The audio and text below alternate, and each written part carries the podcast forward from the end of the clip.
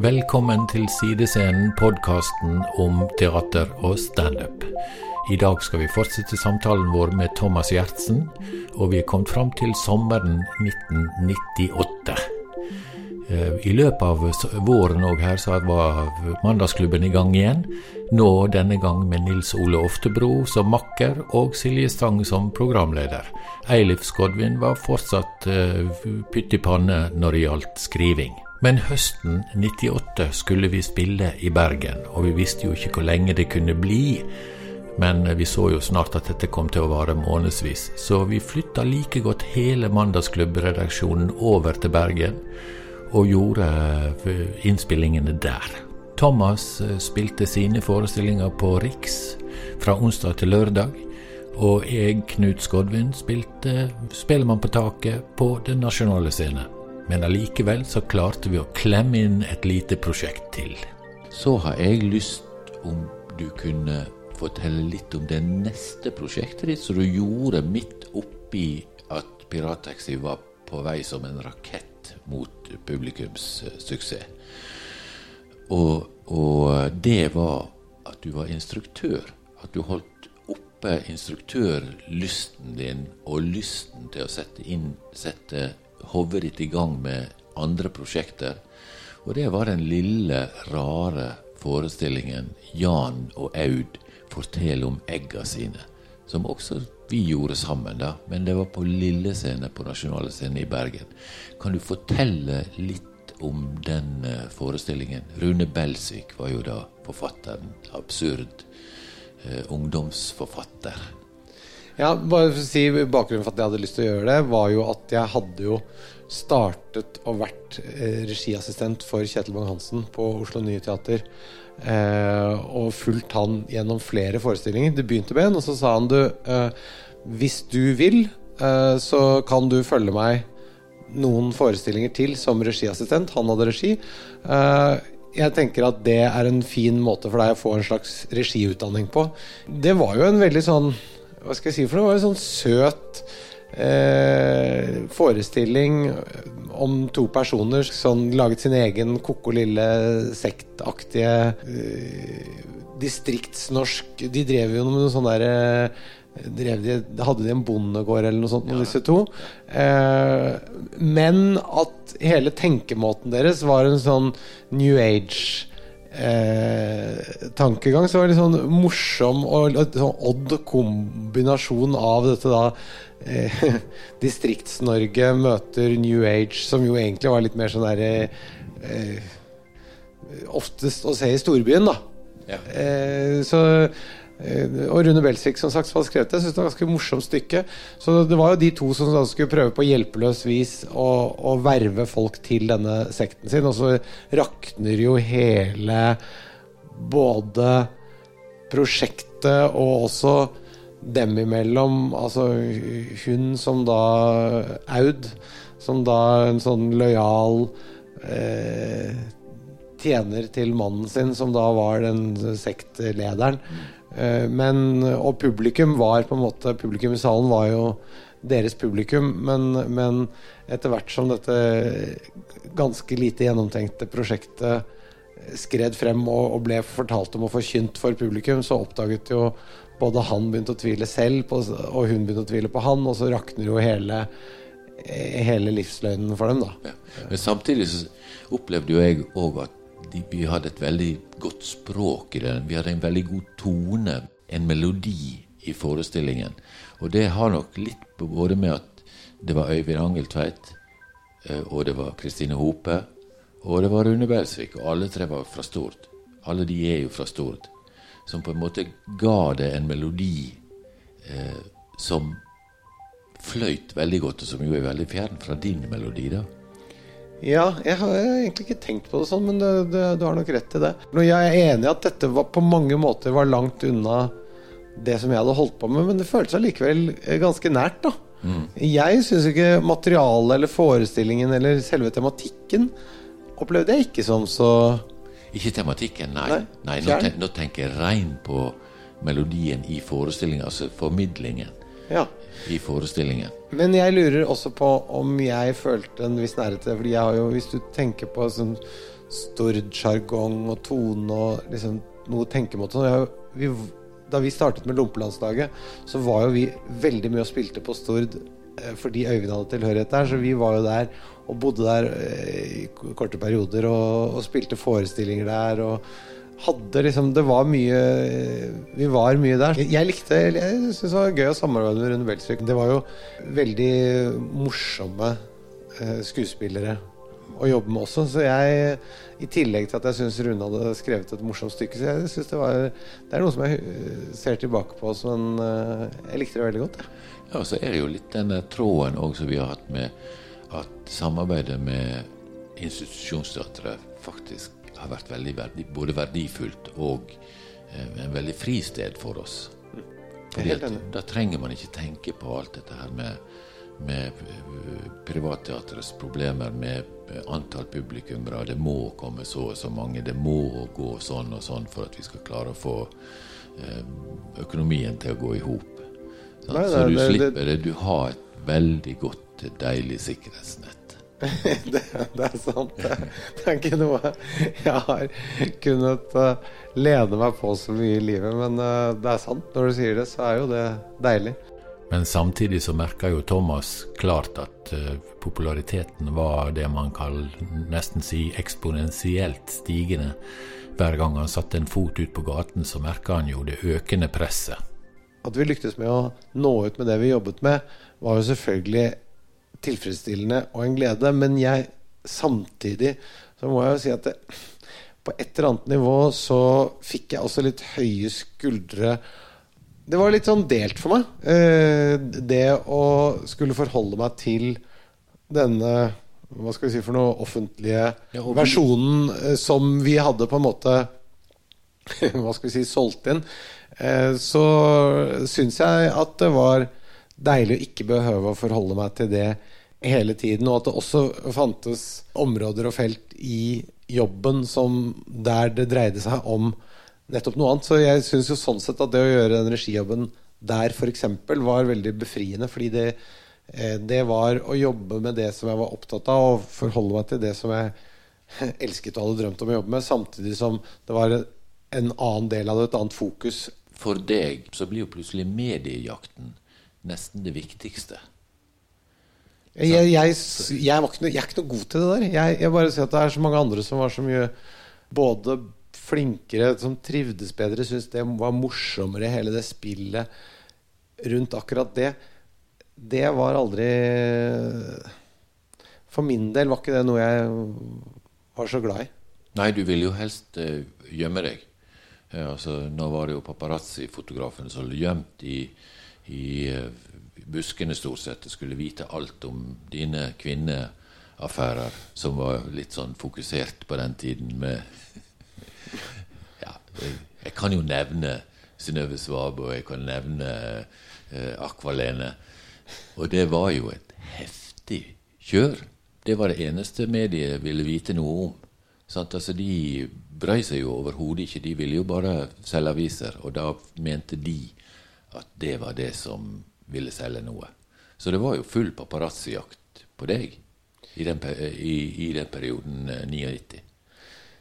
Ja, altså, det, det er jo litt sånn rart, for det, nå føles det veldig fjernt. Men det, det stemmer jo det at på den tiden så var det eh, mye rundt de tingene der. Sånn. Så ja. Ja, masse. Jeg måtte jo være et sånt skjold mot verden. Både tidkrevende og, og ganske eh, krevende sånn på, på det personlige plan. For jeg likte det jo ikke, jeg heller. Jeg har jo aldri vært, jeg har vært en typisk bakmann som ikke liker så godt å, å øh, holde på i offentligheten, annet enn å vise det jeg har gjort. Men hadde du, var det litt sånn den, og ble du bare litt Trakk du deg litt, eller du ville ikke at dette skulle skje? Jeg bare, jeg bare, det bare For meg så var det bare Jeg hadde ikke noe lyst til å ha fokus på det. Jeg hadde ikke noe lyst til å snakke om det. Jeg hadde ikke lyst til akkurat så Det føltes også som en sånn jeg, vet ikke helt om det bare er at jeg opplever at man gir fra seg kontrollen, eller Jeg hadde lyst til å bestemme over mine hva jeg skulle fortelle om meg selv og ikke. Eh, samtidig som jeg skjønner liksom at det er egentlig ikke noe farlig. Det er ikke noe farlige spørsmål. Det er ikke noe farlig eh, sånn egentlig. Men jeg bare syns det Når sånne ting kom i avisen, så ble det tegnet, om du vil, på en måte som blir en slags sånn eh, karikatur som jeg var ukomfortabel med. Det også blir en eller annen sånn ja, det blir en karikaturtegning på en eller annen måte. da Fordi altså, medienes form gjør det litt sånn. Og, og, og, det Jeg bare var ikke noe glad i å bli tegnet på den måten. Ja, Men samtidig så står du jo på scenen ja, og nyter å gi et bilde av Thomas Giertsen og snakke med publikum som er et annet bilde enn hele Thomas Giertsen. Det er bare en del, en av det. Ja, og jeg, dette er ikke noen kritikk av verken av presse eller noe, noe som helst. For det, jeg anerkjenner det fullt ut. Jeg bare sier 'jeg likte det ikke'. Mm. Men det og det er forskjell på For det første det er forskjell på å tegne seg selv og at noen andre skal tegne.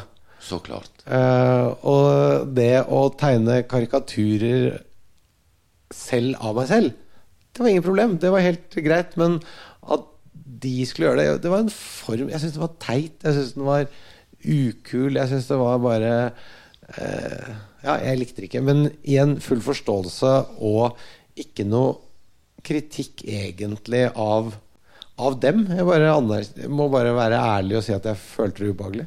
Mm.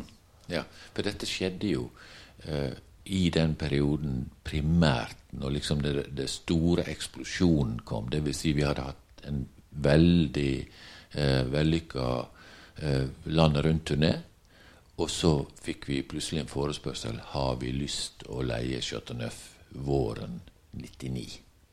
Så dette er jo liksom høst 98, vår 99. Eh, denne voldsomme eksplosjonen kom.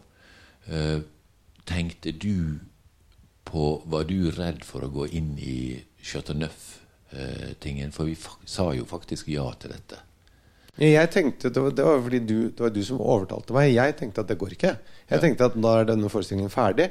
Uh, og jeg tenkte at uh, det å gå på, dra på Chateau Neuf med det er bare teit. Det er overmot og stormannsgalskap. Uh, så det var min tanke. Også, men jeg lot meg vel overtale Hvis jeg ikke husker feil, så lot jeg meg vel overtale til at vi kunne bare legge ut en fredag og en lørdag. Bare for å prøve Jeg gikk med på at ok, greit, vi kan prøve det i storformat for å se. Fordi vi hadde jo for så vidt gjort det i Olavshallen, hadde vi ikke det? Ja da. Ja, så da gikk jeg med på at greit, det hadde vært gøy å gjort det samme i Oslo en gang. Men jeg tenkte jo også at det går jo ikke ingen i Oslo som gidder å komme og se på dette her nå. Da er jeg ferdig. Så det var min klare eh, holdning til det. Ja. Nei, for det jo må jo bare innrømme at jeg var jo veldig, veldig i tvil på dette. Og da er det faktisk en gammel dørvakt fra Bergen, som var, da var manager for Tom Steine, som heter Bjørn Holbæk Hansen. Som var også manageren for Herodes Falsk og Tom Mathisen. Og, og, som, uh, og som uh, på en måte nok hadde et en mer fingerspissfyl på hva som skjer i det breie lag.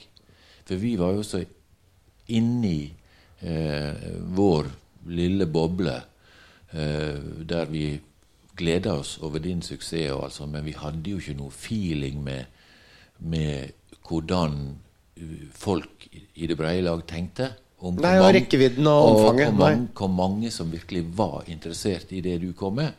Men samtidig så var det jo klart at det medietrykket det ga jo en viss hentydning om at uh, her er det et eller annet på gang som ikke, kanskje vi ikke helt uh, skjønner. Så uh, så det er klart, vi begynte jo, vi begynte jo der med en helg eller to og la ut. Og vi endte jo ut, opp med så mange doble forestillinger og alt mulig som vi bare kunne klare å putte i, putte i hop eh, på Chateau Neuf.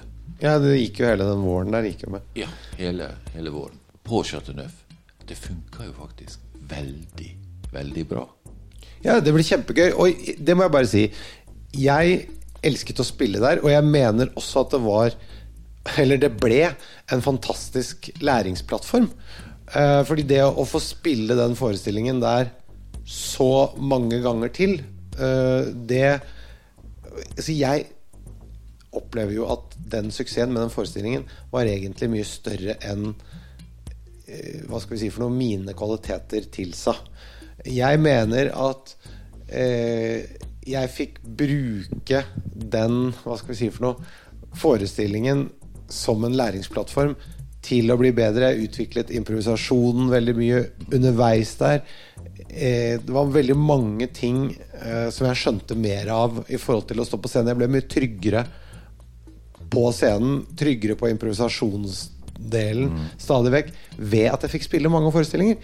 Så jeg, liksom, sånn sett så føler jeg at jeg ble slitt litt mellom to krefter. Den ene på den siden som var sånn ydmykhet for at nå er det over, du må gi deg på topp. Du må ikke liksom tro at alle vil se på. Så det sånn, litt sånn ydmykhet, og derfor Ja, men nå er vi ferdige. Nå runder vi av. Nei, nå blir vi ikke flere forestillinger være litt sånn streng på det, fremfor å stå der til lokalet liksom er tomt og alle har gått. Det syns jeg ville være litt uverdig og ydmykende. Så, så jeg var hadde respekt for det. På den annen side så mener jeg liksom at det der å, å gi seg for tidlig er også klønete og dumt, fordi du mister en mulighet til å bli bedre. Fordi at det, hver eneste forestilling kan gjøre deg litt bedre ved å ha bevisstheten. For det, sånn er det når det er live. Da er det alltid noen nye ting som dukker opp hver eneste kveld, og som du kan eh, ta lærdom av og bli flinkere og utvikle deg mm. på. Så jeg mener jo sånn sett, i et større perspektiv, at det at vi insisterte på Jeg sa at nå er denne forestillingen over på våren der. Kunne spilt utover høsten Helt også. Klart. Mye lenger. Men da For det var jo trøkk. Det var jo utsolgt lenge, lenge før vi la ned. Så det var jo en lang periode der hvor det bare, bare var utsolgt. Og så spilte vi ut den perioden, og så var det slutt. Mm. Istedenfor å da selge flere billetter utover høsten igjen. Uh, men uh, det er nå greit nok. Men det er bare sånn Hvis jeg skulle trekke noe lærdom av det uh, for egen del, så er det nettopp det. Når du får en suksess, bruk den til å lære av å bygge deg selv videre i den. Men samtidig så fikk du vel òg en litt følelse av at det var deilig å begynne å få seg en økonomisk trygghet? Ja, men de der, jeg husker, at, jeg husker jo at da kom det jo masse penger inn. Selvfølgelig var det deilig, selvfølgelig var det trygt. Men det var, det var, litt sånn bare sørg for at det blir ordentlig og riktig. Men så mye mer enn det tenkte jeg ikke på det. Ja, At du følte nesten det var litt urealistisk? Ja, og det hadde ikke så veldig Jeg hadde mye mer forhold til det jeg holdt på med. Selve mm. jobben. Altså å snurre sveiva, på en måte. Det var mye viktigere enn en, en det som på en måte kom ut som måleenheten, som ble penger. Nemlig som en måling på hvor mange billetter som var solgt. Da. Ja, men samtidig så er det jo begrensa hvor mye man kan på en måte uh, tenke at man kan forbedre, og man kan gjøre Når du har begynt å spille uh, forestilling nummer 150 eller et eller annet sånt, så, så er det jo har jo på en måte vært gjennom veldig mange av de ja, kommentarene man kan, det, det kan komme, si, og de situasjonene man kan komme opp i. Det er sant, men hvis du, hvis du strekker det formatet hvert fall jeg følte at jeg, jeg strakk jo også det rommet for hvor mye improvisasjon jeg kunne gjøre det prøvde jeg å strekke, så har lenger og lenger strekka det osv. Så, så jeg følte liksom at det var mer å gå på der. Samtidig som også det derre Plutselig en dag så får du Plutselig så står du på scenen en dag, så blir du plutselig nervøs uten at du helt kan si hvorfor, eller du føler en sånn ut av deg selv, ut av kroppen-opplevelse, eller Det der å få erfaring med alle de hva skal vi si for noe uventede situasjonene.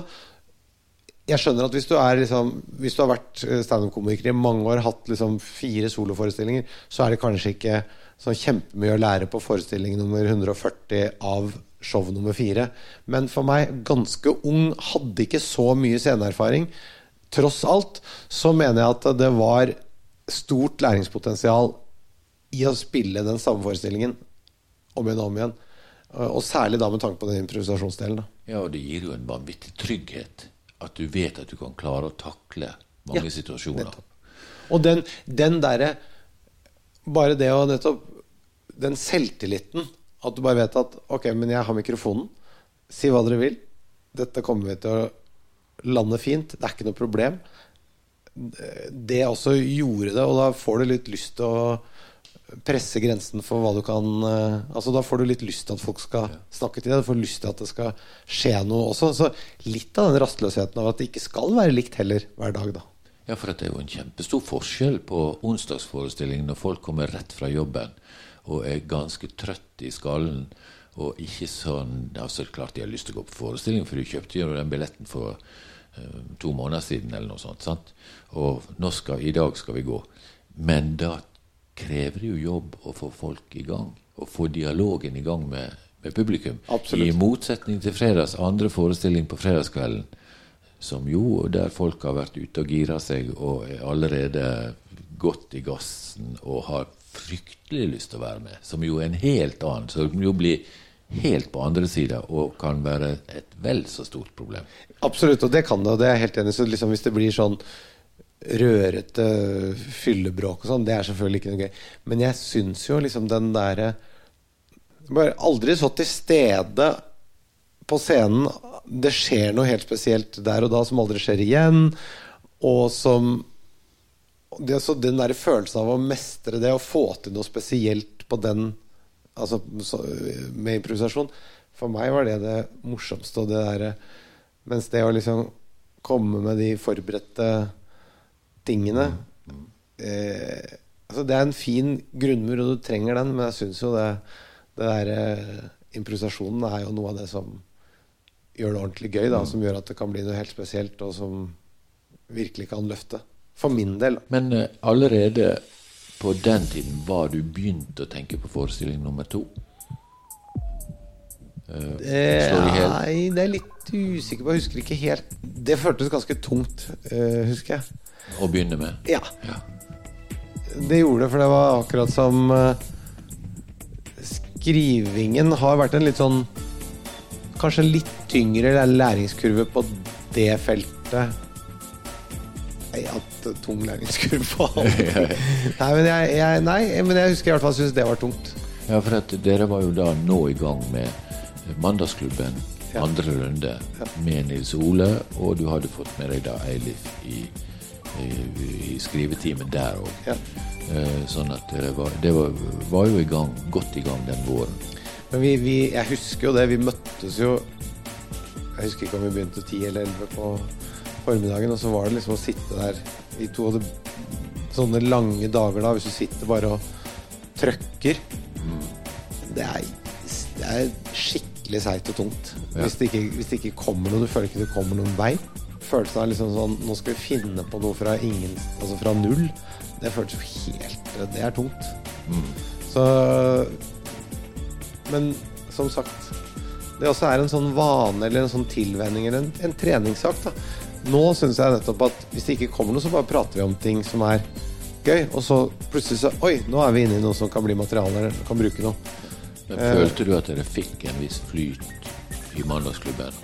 I løpet av det halvåret? Eller? Ja, da, vi, vi lærer Man blir jo flinkere. Plutselig så identifiserer vi raskere. Og det kan bli en vits, og det kan bli en sånn vits. Det kan gå til noe sånt. Det kan bruke til det. Så, men det som jeg syns var tungt, var å finne det Hva skal være grunntema, hva skal være grunnideen i en forestilling? Det er jo en litt tyngre sak. Mm. Den skal liksom treffe på flere frekvenser. Det skal både være personlig, noe som du har en eller annen sånn spesiell forutsetning for å snakke om, som både du og publikum er enige om, eller Å ja, selvfølgelig skal du snakke om det. Det, det gir mening. Det er jo en sånn viktig del av det, samtidig som skal være noe som lett genererer mange ideer, og som er lett å lage mye på. Det ikke er for smalt. Så. Pirattaxi og Slår i hjel forestillingene. Hvordan skiller stoffutvalget seg i de to forestillingene? Jeg syns at den første hadde mer personlig materiale. Det var jo en veldig selvbiografisk ja. forestilling i det hele tatt. Men det var jo òg på en måte en ungdoms uh, Se tilbake på ungdomstidens forestilling. Ja, og det hadde vært mye deiligere da å ha en ungdomstid til å bruke. For da kunne vi bare laget oppfølgeren istedenfor at vi nå Det føltes litt lenger unna og litt mer sånn Det var noe som flere kunne snakket om. Det var ikke nødvendig at det var mitt stoff. Ja, det var jo mer aktuelle problemstillinger. Ja, og mer, mer sånn generell eh, generell betraktninger av tidsånden, men som De var morsomme, de, men de var ikke så knyttet til verken min attitude eller meg som person. Så Sånn sett så syns jeg det var en litt sånn svakhet, hvis jeg skal se det sånn Men har nå det, mange år etter. da har det noe å si i forhold til at du, du er nok mer opptatt av de nære ting enn de store politiske sakene? Og du har vel egentlig ikke definert for deg sjøl heller, jeg vet ikke ditt politiske ståsted helt ordentlig, jeg. Du vet ikke det? Nei, altså ikke sånn, ikke 100% Du lever jo per i dag, da, og du har vel òg hatt en litt sånn hang mot en litt borgerlig livsstil. ja. Samtidig så du er jo veldig solidarisk i forhold til, til folk, og har veldig sånn det jeg vil kalle for gode mellommenneskelige verdier. Det var hyggelig, Knut. Ja, men Skjønner du hva jeg mener? At det er jo en sånn Og da kan du aldri helt vite. Nei, jeg skjønner det, og det er kanskje litt riktig det du sier. Nei, jeg er enig, jeg er enig i det. Så jeg har vel aldri vært så tydelig. Og nettopp kanskje som du sier, jeg har ikke tenkt på det sånn, men kanskje nettopp at eh, inni det rommet som du tegnet opp der, kanskje det også er litt av grunnen til at jeg også har stemt på så mange forskjellige Ja. partier. Så ja, jeg, jeg, det kan hende. Samtidig tror du jo òg opp din egen revyhistorie da, med den Juster-sangen og, Ja da, ja da. og sånt, som jo er på en måte nokså knytta til hva du er interessert i faglig. Det er jeg enig i. Det er jeg enig i.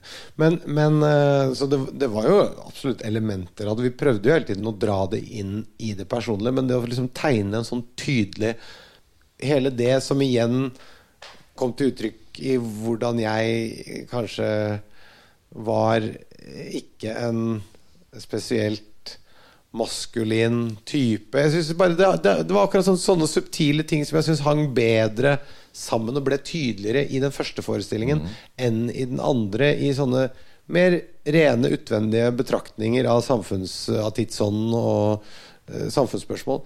De var morsomme, men det var liksom De kunne jeg si, men det kunne s- vært sagt av flere andre. Det er noe med Jeg syns at godt standup-materiale, da er det egentlig bare du som kan si akkurat de vitsene. Det er skikkelig gode vitser, men det er ingen andre som kan ta dem.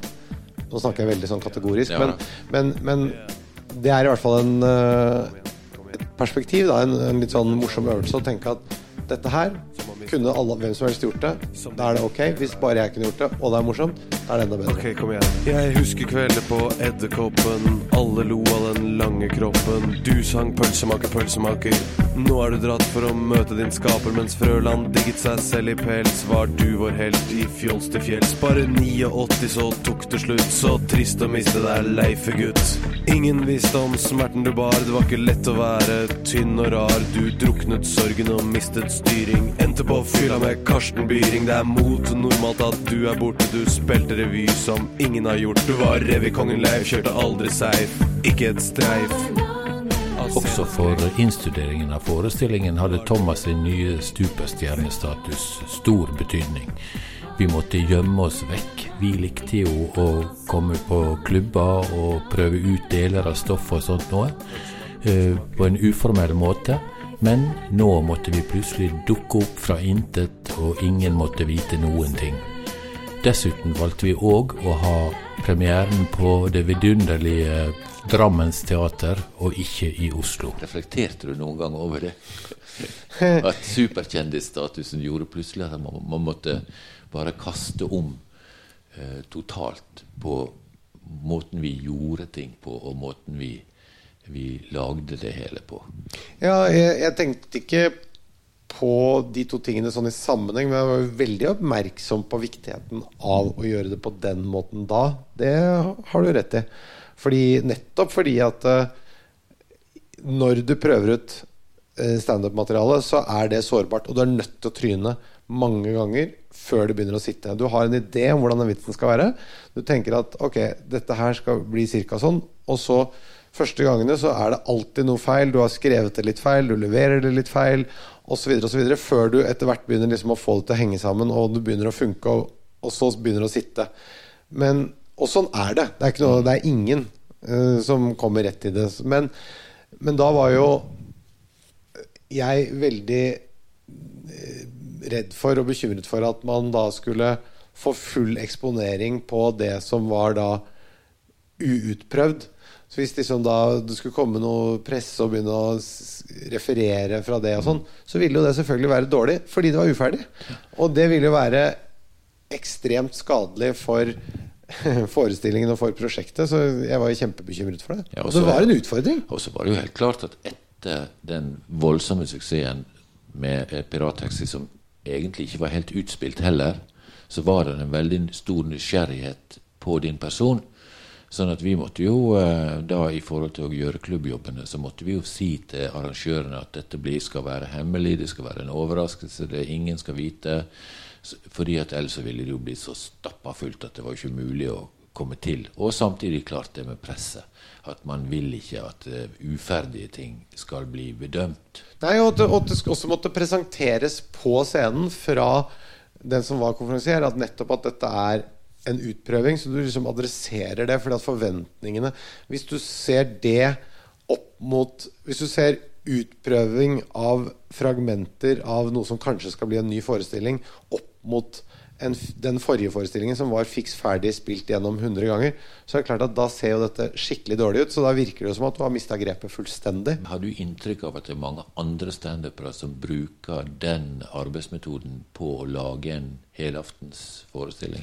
Nå tror jeg det. Og jeg hadde jo regi på den første standup-forestillingen til Bård ja. Tufte, og for så vidt også den ja, som du, de Ja, du hadde jo Anne Katt òg i Ja. 2003. Det var, jo, var vel kanskje den første sånn type breie standup-forestilling du gjorde? Ja, og da, og, og, men særlig Bård insisterte jeg på at vi gjorde det på den måten.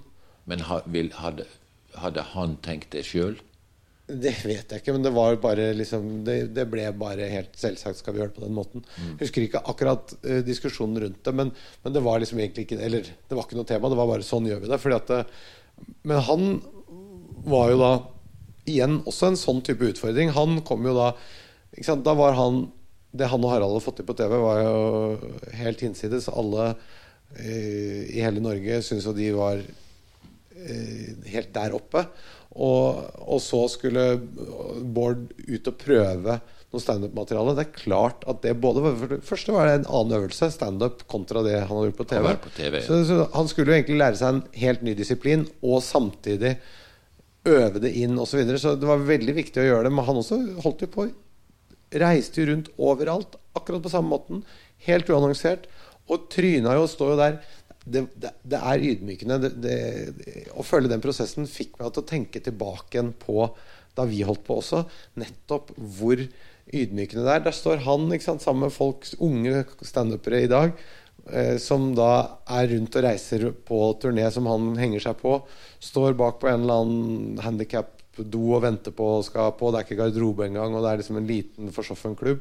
Og så er det da disse unge komikerne som har vokst opp med han på TV og sett han på TV og syns han er helt rå. Så kommer han ut der med noe nyskrevet materiale som er jo selvfølgelig som jeg sa, det er, noe, det er ikke ferdig, og dermed så fremstår det jo som usikkert og vaklende og osv. Og, og det derre fallet, da, det er så vondt. Og det, når folk ikke ler og øh, Altså, det er, det er helt øh, Det er helt jævlig.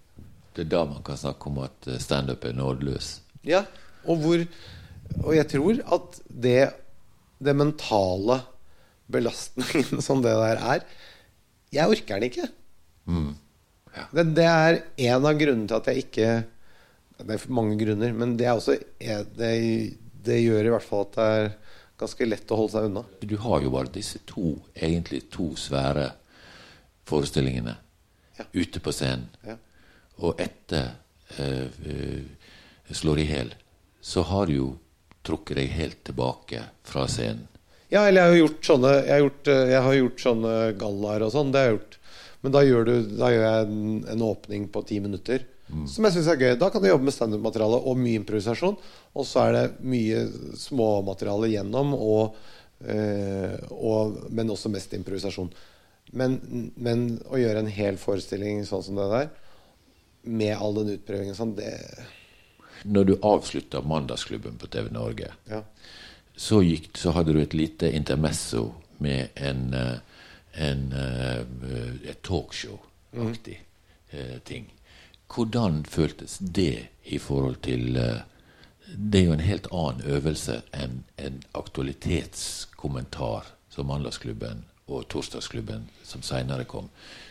Hvordan føltes det? Nei, det var jo annerledes, ikke minst da i form av hvilken rolle jeg hadde. Fordi i Mandagsklubben så var det jo Silje som var programlederen, og den ordentlige og den streite. Mens vår rolle var jo å sitte på siden og avbryte og tulle. Og en mye mer takknemlig rolle. Mens det å være programlederen er jo en annen funksjon i programmet. uh, som er mer krevende. Uh, så jeg syns jo det var uh, en ubehagelig overgang, ja. Og som jeg syns også var vanskelig. Fikk meg til å få høye skuldre og bli stressa. Ble, gikk den i to sesonger? Eller var det Ja, det tror det- jeg tror det var to. To sesonger, ja. jeg ja. tror det. Jeg For det, for det ble gjort nede på Scene Vest, ikke sant? Ja. ja. Så, had, hadde ikke du Jon med deg òg, da? Jon Jo da, hadde Jon og Espen med. Ja. De var jo da sidekicks. Og, men, men igjen Jeg likte tanken på den intervjudelen, og det syns jeg liksom Der var det innimellom tilløp til noe spor av noe, men det var høye skuldre. Det var igjen noe helt nytt. Igjen Det gjør jo at jeg får veldig høye skuldre. Blir stressa og nervøs. Eh, så det ble jeg veldig nervøs av. Og så var det jo da at det var en rolle som jeg følte meg så ufri i, og måtte ta en masse ansvar og sånn, som jeg syntes var krevende, og som ga meg mindre frihet til å gjøre en del av det som jeg hadde øvd på, nemlig å tulle og tøyse. ja. Så gikk vi inn i Torsdagsklubben på TV 2, som jo ble et ganske annerledes program enn Mandagsklubben ble, fordi at vi fikk Otto Jespersen. eh, sammen med deg, som jo har en mye klarere type politisk holdning enn f.eks. Nils Ole hadde, og, og, og du hadde. Du, var, du hadde de antiautoritære, de liksom de respektløse, alt det der. Men du hadde jo ikke en sånn typisk klar venstreorientering som Otto alltid har hatt i sitt stoff, både da og, og tidligere. Eh, og øh, følte du at det at det letta presset litt på deg sjøl? Ja, det syns jeg veldig. Eh, for det første, jeg var veldig fan av Otto. Det at han var så tydelig og så tung, eh, det syns jeg var veldig takknemlig og behagelig. Ja. Ja. Jeg følte jo Da må jeg bare innskyte at jeg ble da dratt inn som TV-produsent plutselig i dette her. Det var egentlig Lasse som skulle være. Og så ble det samtidig med Big Brother, og så kom Lasse til meg og spurte kan ikke du ta Torsdagsklubben, sånn at jeg kan få lov å gjøre Big Brother, for det har jeg så vanvittig lyst, Lasse Hallberg, til å gjøre. Og dermed så ble jeg jo dratt inn i både altså det er konkret, for jeg har på en måte holdt en litt avstand til dine TV-ting fordi at jeg har tenkt at nei, et sted må til og med grensen gå for meg. Selv om jeg, vi var jo litt sånn top of the world og følte at vi kunne jo få til det meste. Ja, du tenkte kanskje det også Jeg må jo bare si at jeg har jo en sånn blanding, for jeg har jo også hele tiden følt at nå går det til helvete. Jeg, jeg har jo en stor sånn Katastrofevisjonen har aldri sluppet taket i nakken din. Nei, jeg syns ikke det, hvis jeg skal være ærlig. Det, det er ikke noe kokett, det, men eh, det, det er veldig reelt. så fikk jo du på en måte en pause og en retning på hodet i og med at du gikk inn eh, For da begynte jo folk å strømme til oss, sjølsagt. sant? Vi hadde jo gjort da Otto med stor suksess, en, en ny forestilling. Som jo gjorde at vi fikk eh, kobla det hele med, med torsdagsklubb og alt dette. Eh, og så kom Anne Katt og spurte. Eh, og, skulle, og gjorde jo sin første eh, live-forestilling eh, på eh, Smuget. Og, og samtidig gjerne ville at du skulle være instruktør. Hvordan føltes det? Nei, det, det likte jeg jo. Jeg, eh, som sagt, den det der å jobbe med både Otto og Katt og sånn, var jo ting som jeg Dette var jo folk jeg var veldig fan av og hadde stor beundring for. Anne Katt hadde, som jeg har stor respekt for og stor forståelse for, hun hadde sånn vegring mot å prøve for publikum. Og egentlig en sånn prøvevegring som jeg også kjenner meg veldig igjen i selv. Jeg husker jo det da vi holdt på med Pirattaxi-forestilling også. Det derre at man får sånn vegring for å stå på scenen for et tomt lokale og si standup-teksten ut. Det, det, det, det, er litt sånn tilvenning. Uh, og da er det veldig lett å si sånn Du, vi tar det i morgen. Vi utsetter. Og så er det mye lettere å gå tilbake og skrive. Nei, jeg må skrive litt, jeg må flikke litt på teksten, og så kan du holde på med det hele tiden. Og, og en del av det vi holdt på med, var jo akkurat å liksom en måte å omgå det på er jo å ha en lang periode med prøveforestillinger. Det er riktig. I det lokale du skal være. Og det var jo det andre grepet som vi jo diskuterte, og som vi, vi brukte, og som jeg mener også er, er, et viktig og riktig grep. fordi at eh, du kan ikke prøve ut Altså, det er bits and pieces, så de kan du prøve ut Du kan prøve ut enkelte elementer på tur, og så kan du få mange gode svar. Men når du skal sette hele puslespillet sammen, så må du eh, Da trenger du å gjøre det, og da skal du være i det lokale. Det skal være den samme scenografien. skal være det samme Altså, så det å ha mange, mange flere prøveforestillinger enn det som normalt var Før hadde man liksom to-tre og sånn. Mm. 10-12. Ja. 14. Beste.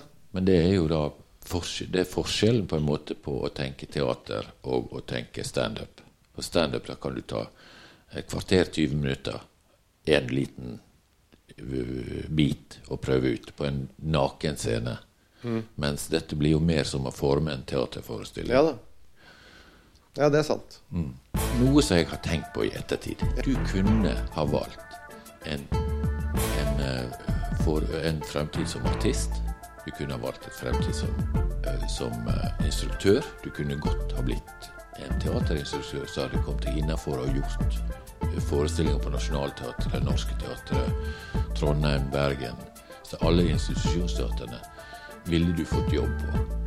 Uh, og, og, du kunne kaste deg da ut i Ok, du hadde TV-karrieren og den vanvittige suksessen som Torsdagsklubben uh, var som, som publikumssuksess. og med selvsagt et nettverk da blant kanalfolkene. Men hva var det overlegningene du gjorde når du da valgte at nei, jeg skal lage et produksjonsselskap? Jeg tror det handlet om dels det som vi snakket om i sted, nemlig dette med å være fri til å ikke måtte være den personen som var foran og på scenen og, eller på TV, eh, men å være bakmann. Det ga en mulighet til å få gjennomført Jeg så også sammenhengen mellom Hva skal vi si for noe? Produsent- og økonomisiden på den ene, på den ene siden, og da eh, det kunstneriske eh, innholdsmessige på den andre siden. Og det å få kontroll og, og holde de to De to tingene er ikke atskilt. Jeg tenker at mange opplever, enten folk er på økonomi- eller produksjonssiden, så sier de liksom ja, men jeg er bare pengemenneske, eller jeg er bare praktisk, eller sånn. Mens de kreative er liksom Vi bryr oss ikke om pengene og sånn. Jeg mener at de to tingene henger mye, mye nøyere sammen enn det folk anerkjenner. Og jeg syns det er en sånn merkelig ting å dele opp eh, i så stor grad som jeg syns mange gjør. Så det handlet rett og slett om både muligheten til å lage bedre bedre prosesser som skulle gi bedre produksjoner, og som var bedre innhold til publikum. Det var én del av det. Uh, og det siste var jo også en sånn rent sånn personlig at hvis jeg skal Som var litt i sammenheng med det vi sa i sted. Hvis jeg skal holde ut dette her, så å kunne leve av det lenge, så, så må jeg Da kan ikke jeg bare ha den rollen foran, for det, det har jeg ikke Hva skal vi si for noe? stamina til det, det, Jeg blir for nervøs, og det, det, plager meg for mye. Så da må jeg kunne uh, ha en annen rolle bak. Uh, pluss at jeg i tillegg må si at jeg, jeg har alltid syntes at forretninger er morsomt. Jeg syns det er gøy å tenke strategisk, forretningsmessig også. Så det, det er også en sånn selvstendig ting som jeg liker. Også en måte å bruke kreativiteten på som er helt annerledes, men som jeg syns er morsom og var morsom, da. Men samtidig så kan du jo si at å være businessmann betyr jo òg at du må utvikle de kjipe sidene av deg sjøl. Fordi at det er jo klart, altså det var jo en eksplosjon i honorarer og alt mulig sånt òg i denne begynnelsen av 2000-tallet. Og, og det var ingen skjems over å kreve mye. Og da må jo du plutselig bli den som sitter på siden som sier nei. Ja da, det er riktig. Og det, det måtte det, det, kan du si at det å måtte begynne å kunne si det uten å både få dårlig samvittighet, men rett og slett ha det forankret i en helhetlig tanke om hvordan vi skal drive og få dette til å bli best mulig på sikt for alle. Så det å tenke tenke system uh, og ha å ha disse beslutningene ikke som 'jeg skal ha mer penger enn deg', eller 'du får ikke penger av meg for dette'. Det er, vi har et, en struktur her som skal henge sammen. Eh, på samme måte som samfunnet også er drevet, hvor man ikke kan begynne å tenke så, sånn personlig på det, men at man Større grad av systemtenkning, da. Og, og ha forankret og ikke føle seg skyldig over å Og at det handler om et sånn meg mot deg, men det handler om du, Hvis vi skal få dette systemet her til å henge sammen, så, uh, dette, så, så, så, må da må det bli sånn nå, ikke sånn, eller Men du vil jo aldri kjøre med åpne budsjetter og si at uh, min, uh, min fortjeneste er sånn og sånn, og da du verdt det. Er jo, du er jo mer med å forholde deg til et marked som sier at din, din verdi er så og så mye i dette markedet. Og min verdi får vi se på slutten når vi ser hvor, hvor uh, svarte tallene blir, eller de røde tallene blir. Ja. Uh, I forhold til å være business. Det er jo en helt annen måte å tenke på. Absolutt. Helt annen måte. Så uh, Men jeg, som sagt, jeg, jeg, bare For det første, jeg, jeg, likte ikke det heller. Og det å, å være front i forhandlinger. Mm. Det syns jeg er sånn passe gøy. Eh, fordi det er nettopp lett å blande og bli personlig og sånn. Det er jo det som er utfordringen hele tiden. Og som jeg, jeg er ikke så god til det. Men hvis jeg kommer meg litt ut på sidelinjen, så kan jeg se det ganske godt. Eh, men det å sitte og være eh, den som skal forhandle og representere men, men, det ble jo også på et eller annet tidspunkt Også i den historien der, så ble jo eh, Så ble jo Innså jo at den rollen Igjen, da får du den, får du den rollen som er forrest foran, og blir den som Da blir du også skyteskive, og så må du stå i det, og så må du ta det ansvaret. Igjen, er ikke så glad i det. Uh, og, og, hva har det medført, da? Nei, det medførte jo at du har solgt deg ut? Ja, men det medførte jo Ja, delvis, men først og fremst så var det jo en anerkjennelse også. Da vi bygget, startet det selskapet, bygget opp, plutselig fikk en omsetning på rundt 100 millioner, så ble det ganske stort. Da er det mange ansatte, mye administrasjon og mange sånne type problemstillinger. Da skjønte jeg vet du hva, nå kommer jeg til å bruke all tiden min på det, og enda mindre på det kunstneriske og innholdsmessige. Da måtte jeg ta et valg. Og det var ikke noe vanskelig da, det første året da var å finne en annen som kunne være daglig. Fordi at da syns ikke jeg det var eh, Da følte jeg at dette holder. Er, det, er vi da kommet omtrent fram til begynnelsen på Helt perfekt? Ja, omtrent. 2011? Ja, rundt der. Ja. Litt, litt, senere var det vel, men uh, Ja, Men, men det, tankene var begynt der? Ja, jeg tror det. Jeg for da var det jo plutselig Men bare for, og bare for å si det igjen, dette vet du, men jeg Tanken var ikke først og fremst å starte for meg selv. Tanken var først og fremst å ta på alvor og bli en del av produksjonssiden. Mm. Uh, og vi diskuterte jo det også. Det var bare ulike Min første henvendelse var jo til deg. Ja. Eh, på om vi kunne fått det. Så var det jo ulike interne grunner i Stateway som du drev, som vel gjorde, og bakenforliggende ting der som gjorde at ikke det ble oss. Men det var ikke sånn at jeg tenkte at nå må jeg gjøre dette for meg selv. Jeg tenkte at jeg vil inn på produksjonssiden. Jeg vil jobbe med det. Ja. Det var bare sånn Hvis man Hvis hører på og lurer på hvorfor eh, det hørtes litt mystisk ut, så, så er jo det i hvert fall en grei måte å bare forklare det på. Nei, det For å gi en litt personlig kommentar til deg, da, så kan du si at det er en av de feile avgjørelsene jeg har gjort i mitt liv. Men det får nå, bare ligge der. Har nok, eh, det, så det kan jeg elaborere et annet sted. Men nei, for at nå plutselig så kom jo du med en ny utgave av Thomas Gjertsen i Helt perfekt. Ja. Som er den litt engstelige, og som, og som uh, er noe helt annet enn den aut- antiautoritære gutten fra, fra Holmenkollen som bare er så selvsikker og kan liksom Han har kontroll på alt. Ja, men det, det var en fin måte å dra bilen over i den andre grøfta på. Ja. Nei, men eh, det føltes jo veldig befriende. Og nettopp å begynne å bruke de sidene. Det var to grunner til at jeg ville gjøre det prosjektet. Det ene var at jeg hadde lyst til å lære meg historiefortelling. Som da altså, Noe som I, hang sammen. I drama. I, i Ja, ja, dramaform. humordra- ikke i stand- standup-form. Ja. Ikke i en verbal form. I hu- humordramaform. Historiefortelling. Og så Så det var det ene. Som ren sånn faglig utfordring.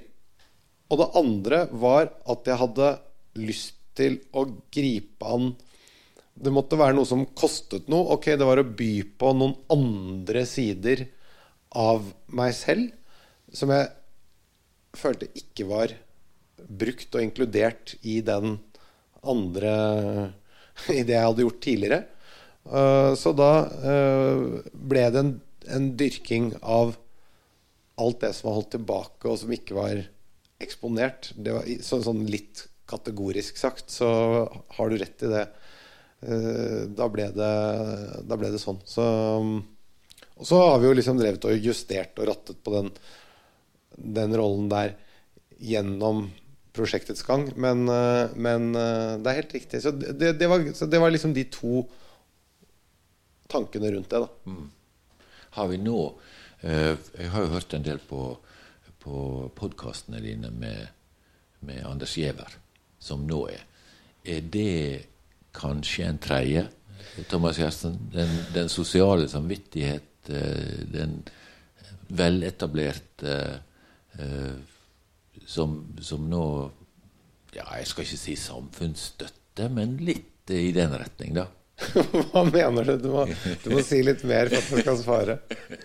Nei, for at dere intervjuer jo Dere intervjuer jo nå veldig mye toppolitikere. Ja.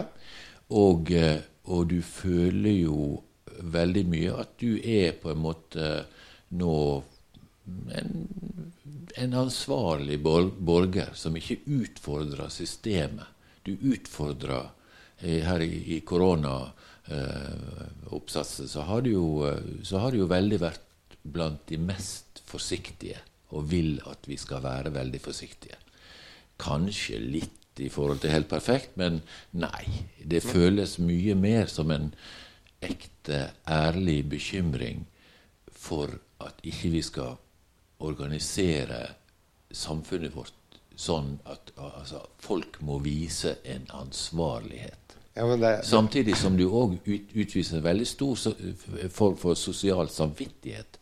At dette skal ikke, dette skal ikke folk lide pga. dette. Vi skal ikke bare være rå og idioter som en, som en, en Donald Trump som bare skal fòre den rikeste 1 Nei, altså Kanskje det å ende opp Du har liksom holdt på med Som jeg sa, bilen har vært i den ene grøfta, den har vært i den andre grøfta, og nå ender opp som 100% kjedelig midt på veien. Midt i veien. Eh, 100 konvensjonell, eh, systemtro. Ja, kanskje det er der det skal ende. Det eneste jeg har igjen da, er nysgjerrigheten. Hva er det beste vi kan gjøre nå for at dette skal bli helt vanlig, helt trygt, helt konvensjonelt? nysgjerrigheten etter å perfeksjonere det konvensjonelle. Kanskje det er det som er Oppgaven i fremtiden. Men da kan vi si tusen takk for denne glimrende stund.